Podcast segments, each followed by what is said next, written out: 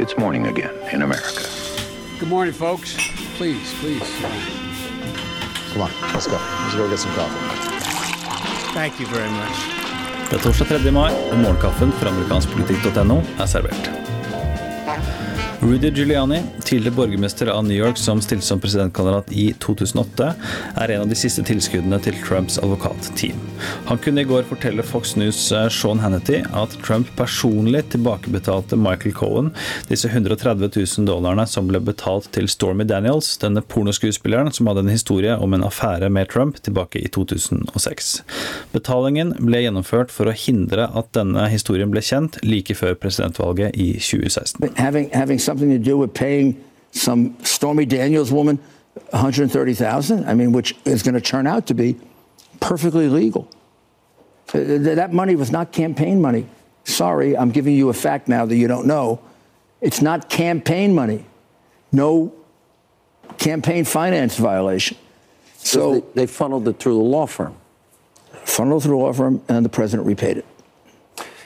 Oh, I didn't know he did. Yep. There's no campaign finance law. Zero. So the president. Just like every Sean. so this decision Sean? was made by. Everybody, everybody was nervous about this from the very beginning. I wasn't.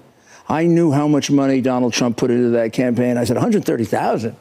He's going to do a couple of checks for 130,000. When I heard uh, Cohen's uh, retainer of 35,000, when he was doing no work for the president, I said, but that's how he's repaying.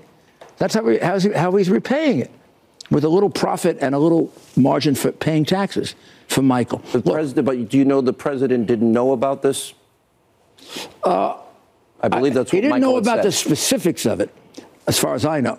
But he did know about the general arrangement that Michael would take care of things like this. Kan her legge til at Giuliani har snakket med Trump etter dette intervjuet på Fox News. President Trump skal ifølge Giuliani være veldig fornøyd med det Giuliani hadde å si, og poenget hans her er jo at det ikke er noen lover som er brutt.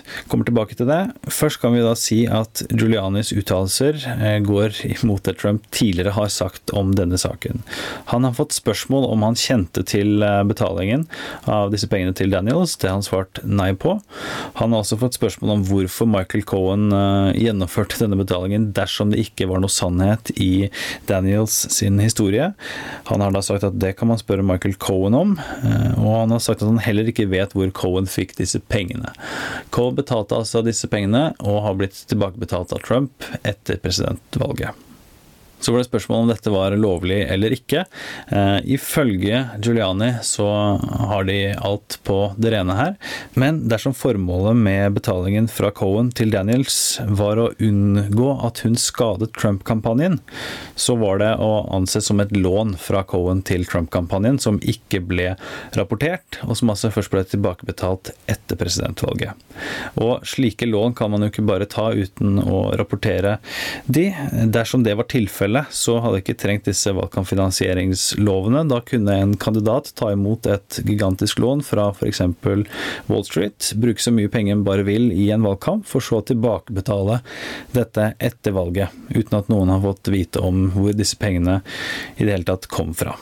Med andre ord, vi har ikke hørt det siste om Stormy Daniels og denne saken her. Dagens utgave av Morgenkaffen er servert av Anders Høymyr og undertegnede Are Tovklaten. Du leser mer om disse og andre saker på amerikanskpolitikk.no. Til uka så spiller vi inn en spesialutgave av Ampolkast 2020 spesial.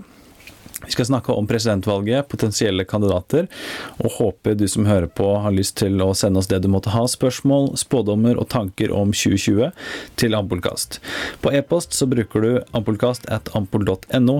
På Twitter og Facebook og Instagram finner du oss på at ampolkast. Bruk gjerne også hashtaggen ampolkast for å sende oss det du måtte ha av tanker om 2020. Så gleder vi oss til å spille inn den spesialen i neste uke. Hyggelig du hører på Morgenkaffen, en podkast som du finner i det som finnes av podkast-apper. Fortell gjerne også noen andre som er interessert i amerikansk politikk om denne podkasten og nyhetsbrevet fra amerikanskpolitikk.no. Så snakkes vi i morgen.